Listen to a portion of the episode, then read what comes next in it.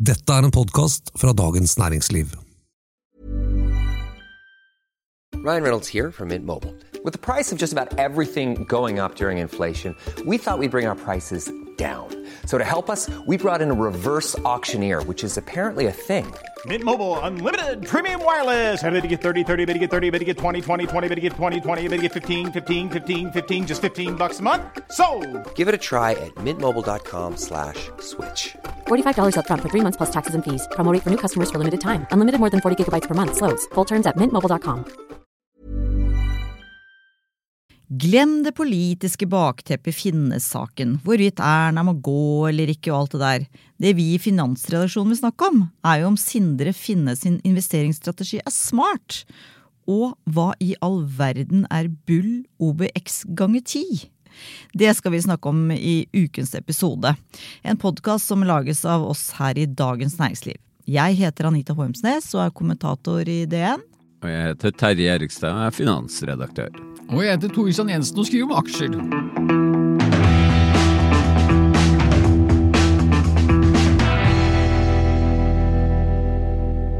Ja, Vi kommer ikke utenom altså dagens eller ukas eller ja, hva jeg skal si, hva det nå blir. Jeg begynner, kjenner jeg blir litt trøtt av det allerede, men det er fortsatt mye krutt i eh, snakkisen eh, ved at Sindre Finnes, mannen til Erna, handlet da 3640 handler i aksjer og andre børsinstrumenter i de årene kona Erna Solberg satt som statsminister.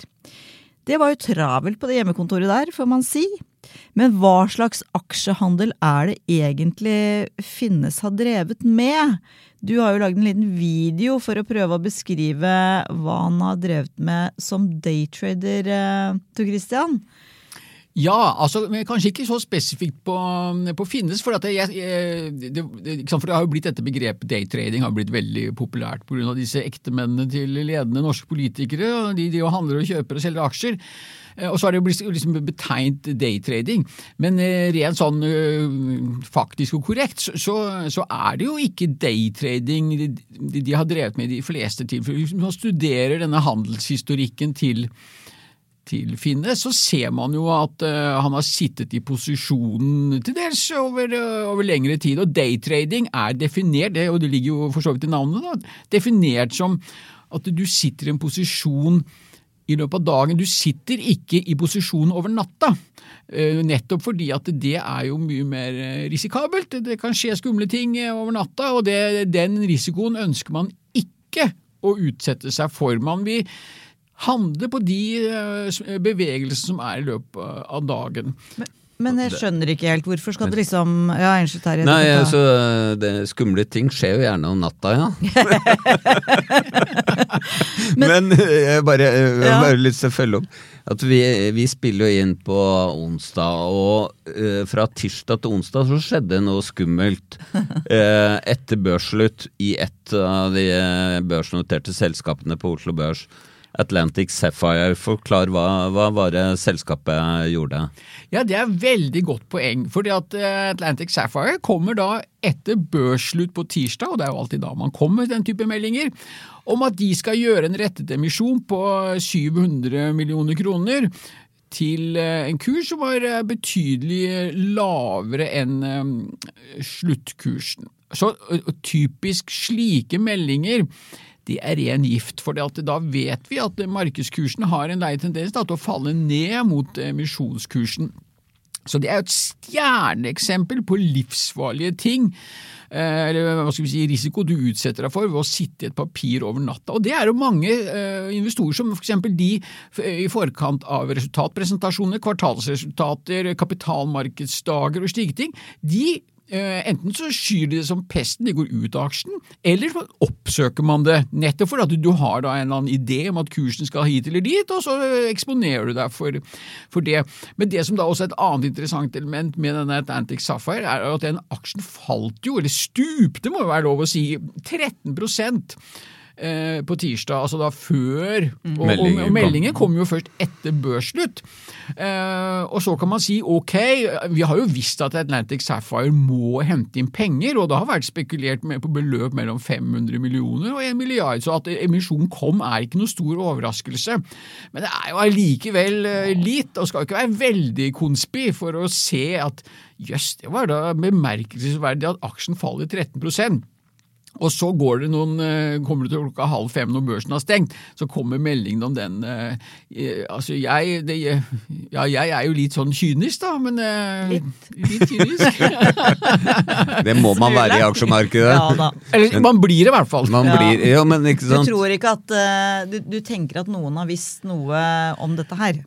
Ja, altså, Jeg skal ikke si at det har foregått ulovlig innsidehandel, det, det kan jo ikke jeg vite noe om. Men at eh, Oslo Børs, eh, og kanskje også Finanstilsynet, og kanskje også Økokrim eh, I hvert fall eh, Oslo Børs må kikke på dette. her, De må gå gjennom disse handlene og se.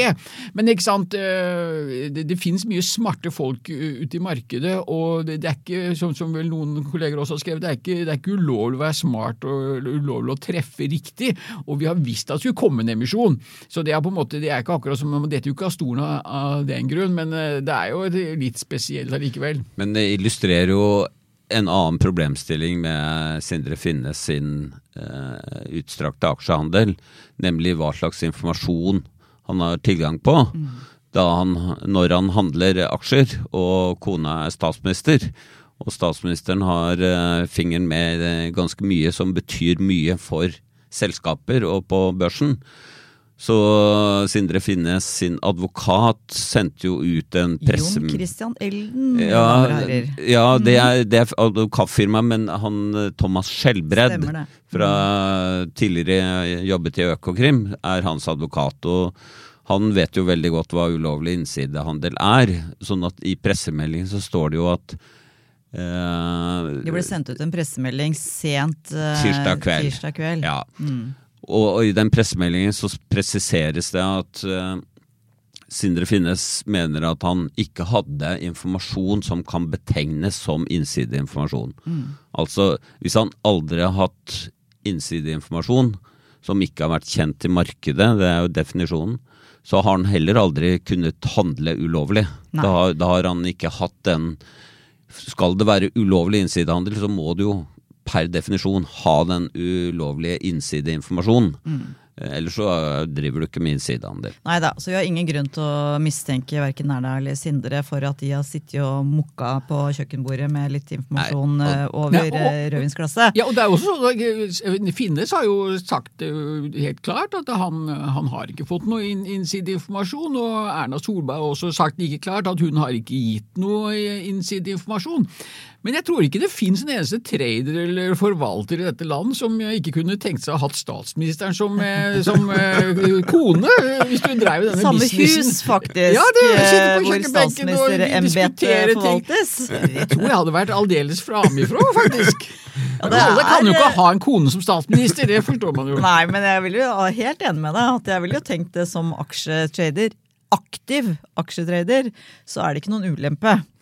Men eh, vi skal som sagt ikke mistenke noen på det. Men tilbake til det med daytrading. Det er jo noe som anses som ekstremt risikabelt. Fordi eh, Og så eh, må det jo kreve vanvittig med tid. Ja, det, akkurat det der med tid er ganske interessant eh, tema, syns jeg, når det gjelder eh, investeringsoppførselen til Sindre Finnes.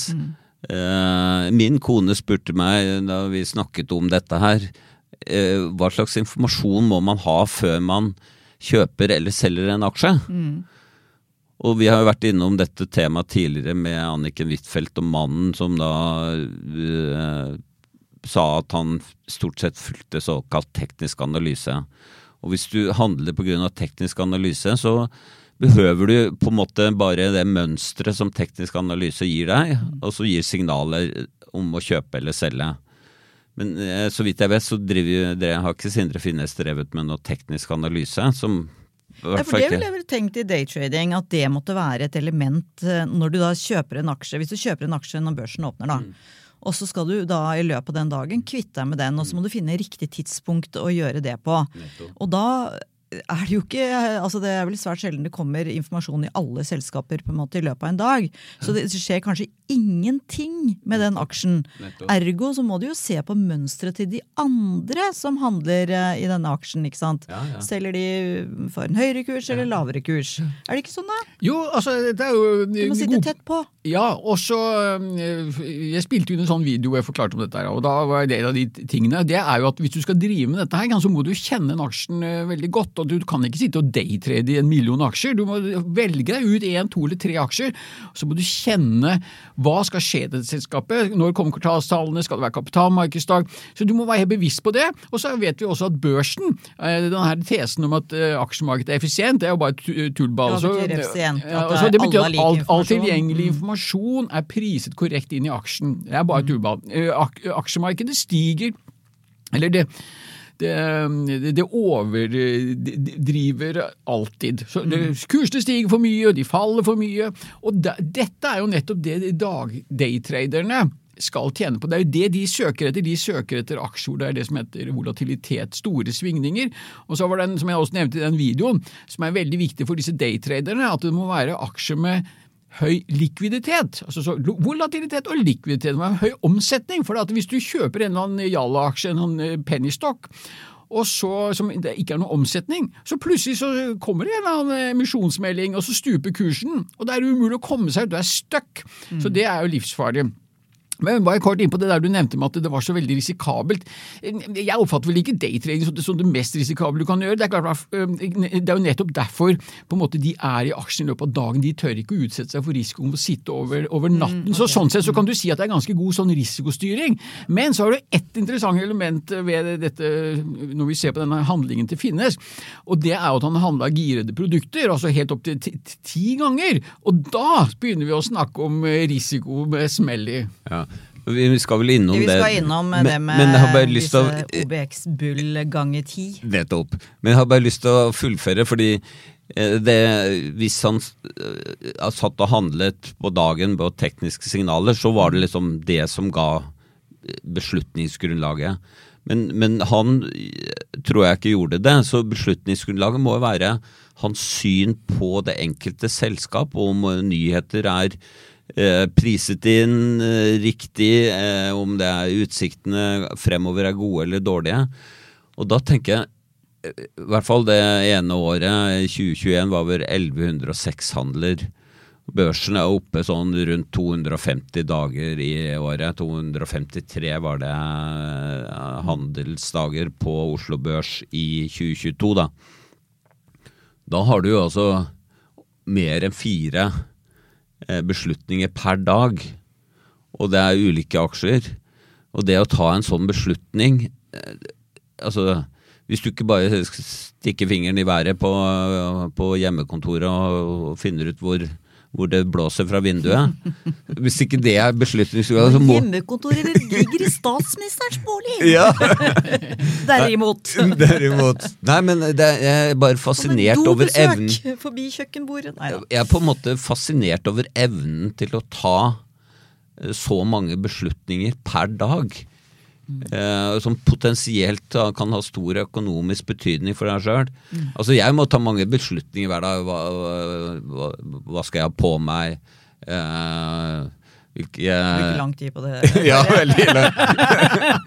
Som alltid. Nei, det, det prøver å minimere, sånn, eh, så jeg gjør det så enkelt som mulig.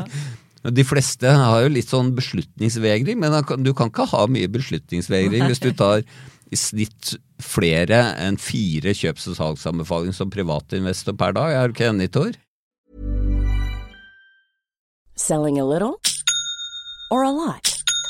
Shopify helps you do your thing however you cha-ching. Shopify is the global commerce platform that helps you sell at every stage of your business. From the launch your online shop stage to the first real life store stage, all the way to the did we just hit a million orders stage. Shopify is there to help you grow. Shopify helps you turn browsers into buyers with the internet's best converting checkout. 36% better on average compared to other leading commerce platforms because businesses that grow grow with Shopify. Get a $1 per month trial period at shopify.com/work. shopify.com/work. A lot can happen in three years, like a chatbot may be your new best friend. But what won't change? Needing health insurance. United Healthcare Tri Term Medical Plans, underwritten by Golden Rule Insurance Company, offer flexible, budget friendly coverage that lasts nearly three years in some states. Learn more at uh1.com. I'm Sandra, and I'm just the professional your small business was looking for. But you didn't hire me because you didn't use LinkedIn jobs. LinkedIn has professionals you can't find anywhere else, including those who aren't actively looking for a new job but might be open to the perfect role,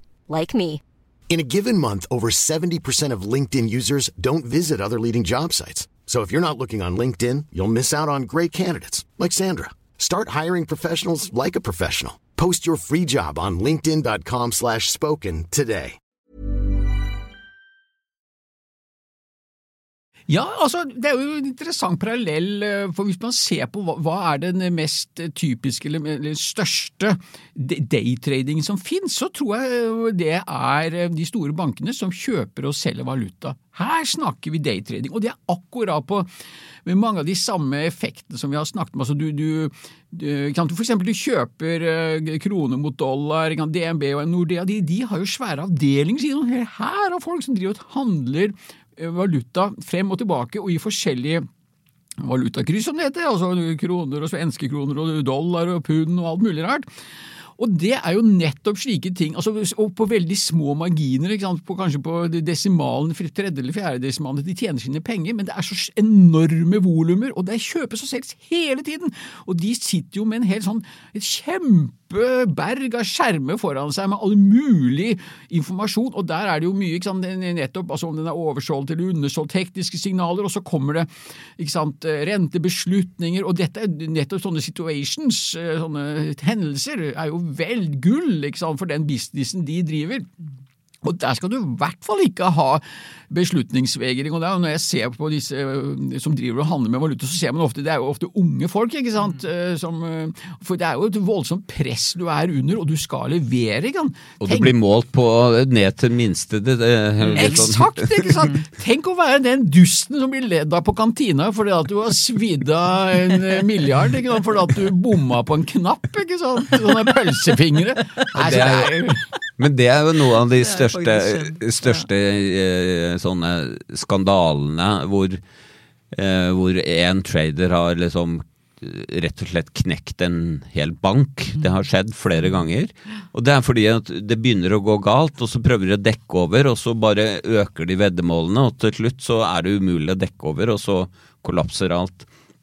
Men dette er jo folk som har som jobb å sitte og trade eh, fra sekund til sekund, og sitter limt foran skjermen. Eh, men hvis du er sånn fagdirektør i eh, NHO Fagsjef, ja. ja. Fagsjef, ja. I en NHO-forening. Så, så, er det jo ikke uh, Helt sikker på om arbeidsgiveren har fått uh, 100 stilling ut av Finnes-pandemien. Altså. Men igjen, altså, jeg oppfatter ikke at han har primært drevet med daytrading. Han har jo tatt noen posisjoner, så han sitter der. ikke sant? jo, men sitter, han, har, han har jo i snitt tatt fire, over fire beslutninger per dag på det, under pandemien. Det, er da, det, så det, det trenger jo... ikke være daytrading, det kan jo være andre Det er det du vil ja, ja, ja, ja, ja, ja jeg, jeg, jeg, jeg mener ikke at det er daytrading, jeg bare er opptatt av det å ta så mange beslutninger. Mm. Og du introduserte jo med om det var smart eller ikke, og, og konklusjonen er vel at han har tjent penger. Eh, altså, jeg veit ikke hvor, hvor liksom solid fundament det er for 1,8 millioner? Nei, nei, det er det også som jeg tenker på. at, for at det, ut fra vi har jo bare hans ord på, på en måte, hva han har tjent. For det tror jeg ingen har klart å regne seg fram til. Ja, man har vel sett på eh, ligningen. Aftenposten så jeg hadde ja. gjort det. Men da har jo, ok, men eh, da er det 1,8 millioner eh, som han har tjent på den aksjehandlingen. Var det da fra 2013 Nei, altså, til jeg, jeg, må, 2021? Jeg må ta forbeholdet her. Altså det, Poenget mitt var egentlig bare at jeg så Hallgeir Kvassheim, eh, som kan litt om eh, fond og sånn, Eh, skriver at hadde han eh, investert disse pengene i indeksfond, så hadde han sittet med 100 millioner. Men jeg kan i hvert fall si det sånn at jeg kan se for meg en hel rekke utfall som er verre enn å tjene 1,8 millioner. Ja, da, det er ikke noe tvil om. Men så er det også slik sant, i aksjemarkedet det er jo slik finurlig lagt opp at det, det at du har tjent penger på en investering, Det er ikke nødvendigvis svar på om eh, det var eh, veldig bra eller eh, bare Eller sånn passe. For det, liksom. er, det skal jo risikojusteres. Ikke? sant? Hvilken risiko er det du har utsatt deg for? Og det er jo for disse fondene, aksjefond, så finnes det en hel masse sånne fancy betegnelser på hva er den risikojusterte avkastningen? Og hvordan har du gjort det? Eh, ikke sant? Altså, hvor mye har du risikert å tape eh, kundene sine penger da, for å få til det? Og hvis du har utsatt deg for kjempesvær risiko for å tjene de pengene, så er det ikke sikkert at kundene er så veldig fornøyd. I hvert fall ikke hvis ikke det var en del av avtalen at du skulle utsette Men det du antyder, er at Sinnes kan ha hatt flaks. Det er vel som Det er jo heller ikke ulovlig! Nei, nei, nei, det er veldig ulovlig fordi eh, Ikke sant, å bare se på én sum eh, Man har tjent så og så mye. Det er helt riktig som Thor sier, at eh, det handler om hva du har fått betalt for. Eh, hvilken risiko har du tatt? Og, og den som tar høy risiko, skal jo i teorien få en bedre avkastning enn den som tar lav risiko. Ellers så er det jo ingen som vil ta risiko. Du, vil, du er jo komplett idiot hvis du får like mye i banken som i aksjemarkedet. Altså da, da Hvorfor i verden ta den risikoen Fordi hvis du du ikke får betalt? Fordi du trenger spenning i hverdagen, er vel eh, kanskje et uh, tips. Men uh, investeringsdirektør Robert Ness sa jo altså i en sak hos oss han har bruttohandlet aksjer for 112 millioner kroner. uh, Sindre Finnes. Det Og mange av de aksjehandlene han har gjort, er, de transaksjonene han har gjort, er jo på 100 og 200 000 kroner. Så det er, det er liksom det er voldsomme beløp. Det er det. Jo, ja. Ja, det kan du si. Altså, jeg, jeg, han Ness han er en kjempekul type. Ikke sant? Og han, eh, drev, han Snakk om daytrading! Han drev kjøpte og solgte Teslaer. Er Veldig artig, Ja, det er artig også type. er vel ikke nøyaktig men, men jeg blir ikke sånn altså det beløpet du kan summere opp altså Nettopp for når du driver med daytrading Nå har vi nettopp blitt enige om at det er ikke det han gjør, men, men for daytradere Og så se på disse bankene, for eksempel. Det, det, det, når de kjøper og selger valuta, det blir jo helt astronomiske beløp. Men det er jo fordi at det er en så enorm omløpshastighet vi, vi, snakker om her. Men når vi snakker om Finne, så oppfatter jeg det mer som litt mer sånn tematiske investeringer. For eksempel, han, han kjøpte Nell, ikke sant? Altså, det hadde tro på Det hydrogen- hydrogenselskapet. på hydrogen... Han, han er jo en sånn industrimann, jobber jo i, i, industrien og til tallknuser. Så han, eh, han hadde jo sikkert noen begrunnede syn på, på at Nell skulle være bra. Jeg har jo alltid ment at Nell er overpriset, men eh, meg, med, meg om det. Og så er det, kan du ser det på de, også de andre typer investeringene han har gjort. Altså, det, det, det virker litt sånn te tematisk, ikke sant? Det er rett og slett uh, ting han har hatt tro på. Eller at Nell er en nettopp type aksje som er, eh, vært, er en veldig volatil og men har en stor omsetning. Der kan Ja, du snakke også- om daytrading-aksjer. Ja, ja. Og så er det jo også et selskap som er avhengig av hva slags uh, strategi regjeringen har. Mm. Hydrogenstrategi. Så hva viser jo hvor komplisert det er. Og, og som, eh, som vi var innom da vi snakket om eh, Anniken Huitfeldt og hennes manns Mm. aksjehandler. At, at du har en ektefelle som driver med handel når du selv sitter som statsråd eller statsminister da, da det oppstår jo så mange potensielle eh, konfliktsituasjoner at han burde jo absolutt ikke ha gjort det. Absolutt ikke, selvfølgelig ikke. Ja, men det, så det er vi bare helt overbevist om, og fortsatt går i selvfølgelig diskusjonen. Altså, han har jo fått all skylda ja, Han har jo all skylda, for han har jo jugd så det renner han i mange, mange år. Eh, men eh, tilbake til ansvar, det er jo det som går på det politiske diskusjonen, som ikke vi er så interessert i akkurat nå. Men jeg vil tilbake til OBX Nei, nei Bull OBX ganger 10. Ja, ja, ja. Fordi at eh, Jeg husker for mange år siden så skrev jeg om sånne ETF-er. Exchange Traded Funds. At det skulle bli det nye store. Som, eh, som eh, småinvestorer også skulle få tilgang til. Altså at det er et slags fond. Enten i aksjer eller renter eller råvarer eller hva som helst. Men at det noteres på børsen, så du handler det som en aksje.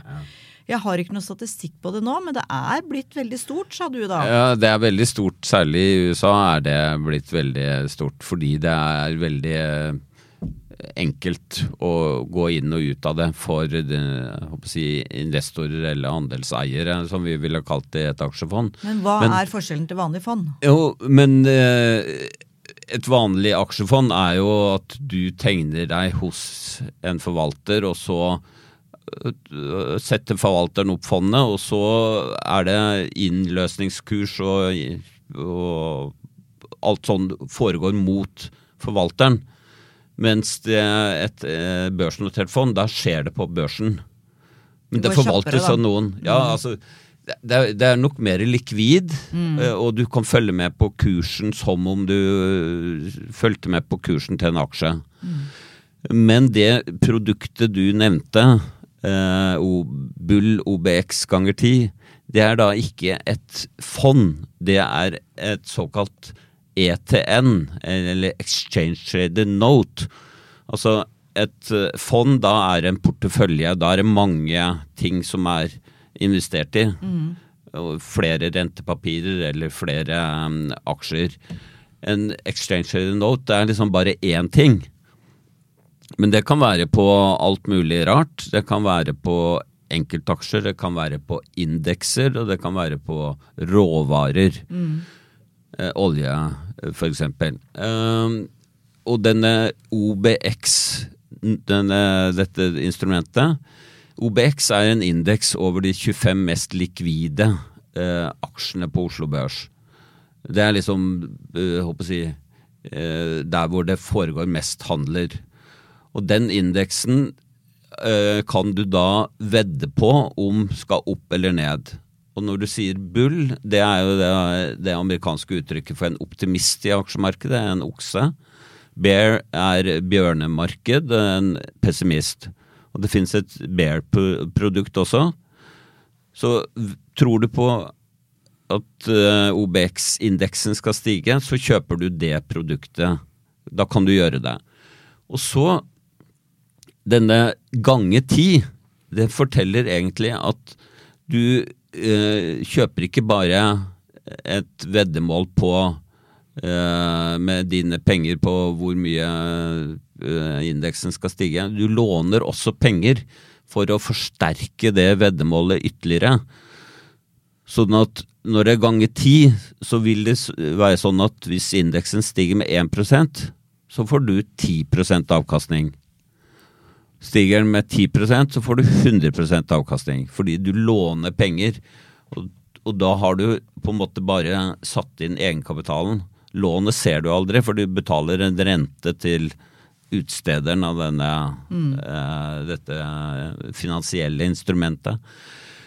Men det betyr også at, som man vet, at hvis man har lånt penger og kjøpt noe, f.eks. en bolig, hvis du har lånt om én million og kjøpt en bolig til fem millioner, og boligen verdi synker til fire millioner, ja, da er egenkapitalen din tapt. Og det var, Og det var det. Ja. Det var jo det som skjedde, for det er litt interessant. Man har jo, nå har jo alle mediene i Norge gått nøye gjennom denne listen. Og så var det spekulert i at uh, Finnes da uh, tjente penger på koronanedstengningen i 2020. Men eh, det som han skriver i den pressemeldingen i går, er at nettopp da eh, handelen som ble gjort 12. mars 2020, eh, var en manuell sletning. Ja, for det var eh, noe som ikke var helt uh, kommet fram, da. Men han uh, tapte alle pengene på dette Bull OBX ganger 10-produktet. Ja. For han klarte å investere i det nettopp rett før børsen. Hvor mye var det falt uh, i mars 2020? Det var vel 20% eller sånt noe. Så det gikk jo på ingen måte opp. Nei, det, to ganger er det nevnt i pressemeldinga, så har dette veddemålet på kraftig oppgang gått helt feil. Og begge gangene er eh, investeringen tapt i sin helhet. Fordi, eh, fordi han giret opp så mye. Det er giring som det heter da. Og, og disse eh, produktene her, det er da Hvis du leser en brosjyre f.eks. fra Nordea om dette, så står det veldig sånn Dette er bare for profesjonelle investorer som forstår risikoen osv. Fordi du kan tappe hele beløpet ditt. Og det kan du tape både på vedde på oppgang og vedde på nedgang. Men på den annen side så kan du da få supergevinst hvis du treffer veldig godt på en sånn spekulasjon. Nei, Jeg bare tenkte at han drar nok selvfølgelig fram det nettopp for å bevise at uh, han hørte ikke Han la ikke merke til at Erna gikk i veldig mange møter. Uh, 11. mars, eksempel. Og var litt stressa, hadde litt sånn røde kinn. Uh, han trodde fortsatt børsen skulle opp. Eh, selv om landet da ble stengt ned. Så, så, det er jo litt for å vise at han da ikke har agert på informasjon som han har fått eh, hjemmefra, tenker jeg. Ja, ja. Vi spekulerer jo vilt og hemningsløst nå i pressen. Han kommer til å bli ja, godt eh, sekundert på det. Men det er i hvert fall et budskap til Hva er det, hva er det det heter for noe på sånne reklamer? Ikke gjør dette hjemme, eller ja. ha, ha, alltid med deg en voksen eller en annen. Altså, og tredje sånne mm, girede produkter, det er livsfarlig, rett og slett. Og så er det jo én ting til som kommer frem av den pressemeldingen. Eh, det er jo at han har blitt utsatt for et sånt scam. Mm. At han investerte i noe, et spansk selskap, som deretter flytta dette til Sveits. Og så fikk han rapporter om at alt gikk bra. Og så viste det seg at det var jo bare tull, og de pengene var jo også tapt, da. Mm. Så, så, eh, det, du kan vel si at eh, det som kommer fram av den pressemeldingen, gjenspeiler at han har hatt eh, ganske aktiv eh, et aktivt investeringsliv. Ja, ja, ja. Og det, han er jo ikke den eneste som er blitt lurt i sånn eh, sånne scams, og han er ikke den eneste som har tapt pengene sine på Bull eller Bear-produkter. Og han har gjort noen gode investeringer og noen dårlige investeringer. Så mm. det gjenspeiler på en måte en aktiv investor. Ja, og der er jo sånn for aktive investorer. Altså Hvis du klarer å treffe i 50% av tilfellene, da kan man betrakte seg selv som en suksess. For det er ingen som klarer å treffe 100 eh, alle ganger. Men det er klart, hvis du klarer å treffe mer riktig enn feil, og helst da til de som går rett, eh, gir en bedre avkastning enn de som gikk dårlig, så har du kanskje fått deg en, ny, en ny jobb. Du har i hvert fall en hyggelig hobby. Ja. Men vi får konkludere med, eller svare på spørsmålet om han er en god investor. og Det har vi rett og slett ikke helt forutsetnings for å si. Men hvis han har uh, fått gevinst, så vil jo det du sier nå til sist, Christian, tilsi at han uh, i hvert fall har uh, gjort noe rett. For å si det sånn, selv om men, akkurat nå virker det ikke helt sånn. Men, han har gjort veldig mye feil på andre fronter risikojusterte avkastningen må man vel si er garantert dårlig. Fordi han har jo utsatt eh, sin kone for en risiko som hun absolutt ikke ville ha. Ja, Du kan jo tenke deg liksom risikoen for privatøkonomien eh, i det solbergske hjem, holdt jeg på å si. Den eh, har jo blitt eh, ganske radikalt eh, forverret som følge av hans handling. Ok, men vi driver Vi er jo nå på Fantasyfond, Tor Christian. Og det skulle jeg ønske var litt mer daytrading-aktig. For det er jo litt sånn i Fantasyfond at du kan jo bytte aksjer eh, så mange ganger du vil, men det oppdateres ikke før dagen etter. Så det jeg gjorde selvfølgelig i går, det var jo å forte meg å legge inn eh, beholdning på PGS. For TGS og PGS, to oljeservice, nei, seismikkselskaper, er det riktig? Ja, Skulle slå seg sammen. Og så leste jeg børskommentaren din, så da bare åh, oh, oh, herregud, dette må jeg bare hive meg inn på. Men det blir da ikke notert før i dag. Men det går ganske bra. Hvordan går det med deg?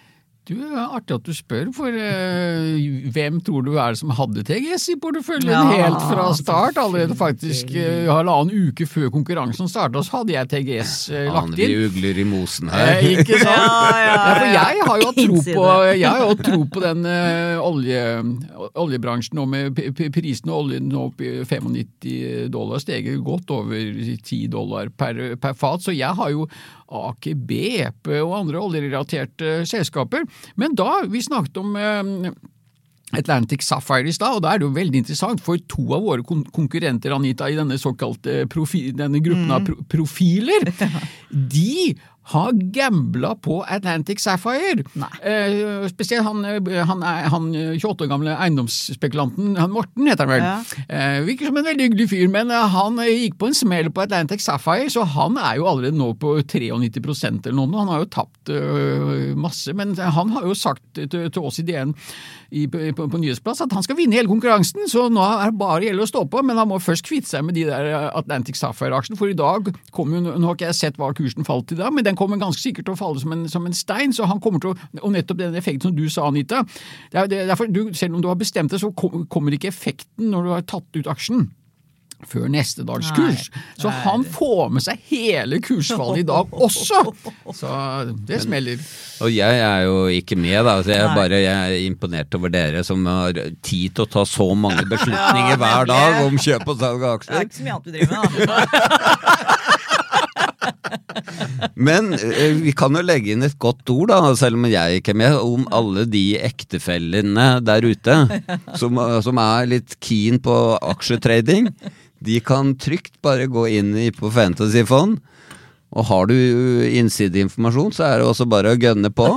Det er, du, kommer, du kommer ikke til å bli arrestert, og det er ikke få Blir ikke hengt ut i alle medier, ja. Nei. Kanskje Sindre Finnes har lyst til å være med? Ja! Vi får sjekke. Prøv Fantasyfond du også. Det er overhodet ikke for sent å registrere seg og bli med i eh, spillet, som eh, vel går i fire uker? Seks uker? Seks uker. Så dette er det hav av tid på å prøve å ta gevinsten her. Det var det vi hadde i Finansredaksjonen denne uken. Tusen takk for at du hørte på. Vår produsent er Gunnar Bløndal. Ha det bra!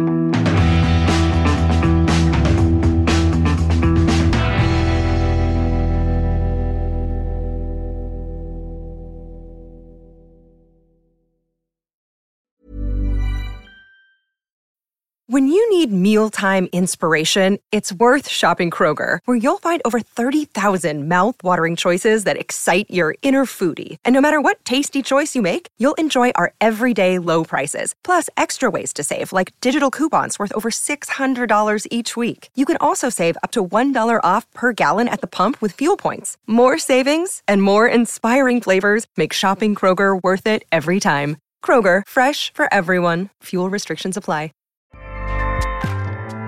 ACAST powers the world's best podcasts. Here's a show that we recommend. The Real Housewives is a guilty pleasure for most, but if you're looking to not feel guilty about that pleasure, tune in to Everything Iconic with me, Danny Pellegrino, where I break down all the messy moments and behind the scenes antics of Bravo's popular franchise. And on Everything Iconic, I also interview celebrity guests like Kelly Ripa, Kiki Palmer, Drew Barrymore, Cameron Diaz, and more about their guilty pleasures, their past work, and so much more. So if you're pop culture obsessed and find yourself watching way too much reality TV like me, tune in to Everything Iconic with Danny Pellegrino wherever you listen to podcasts.